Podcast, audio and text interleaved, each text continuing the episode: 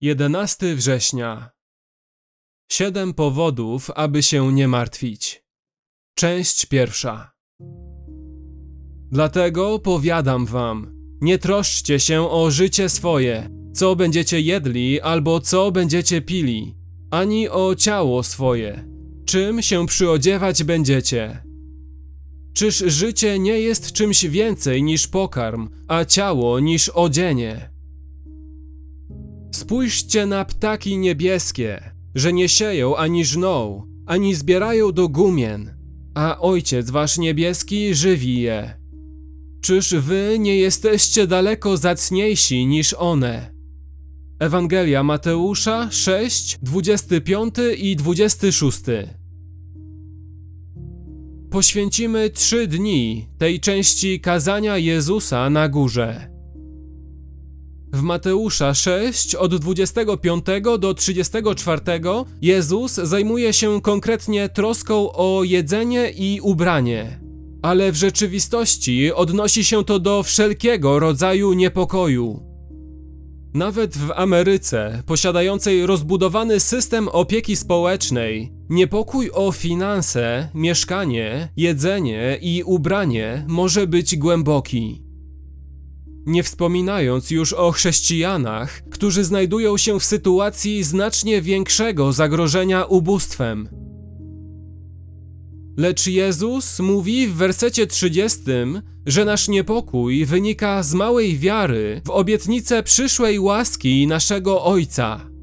O małowierni! Te wersety od 25 do 34 zawierają co najmniej siedem obietnic sformułowanych przez Jezusa, aby pomóc nam staczać dobry bój przeciwko niewierze i uwolnić się od niepokoju. Dzisiaj skupimy się na obietnicach pierwszej i drugiej, a następnie w ciągu następnych dwóch dni na pozostałych. Obietnica pierwsza. Dlatego powiadam wam, nie troszczcie się o życie swoje, co będziecie jedli albo co będziecie pili, ani o ciało swoje, czym się przyodziewać będziecie. Czyż życie nie jest czymś więcej niż pokarm, a ciało niż odzienie?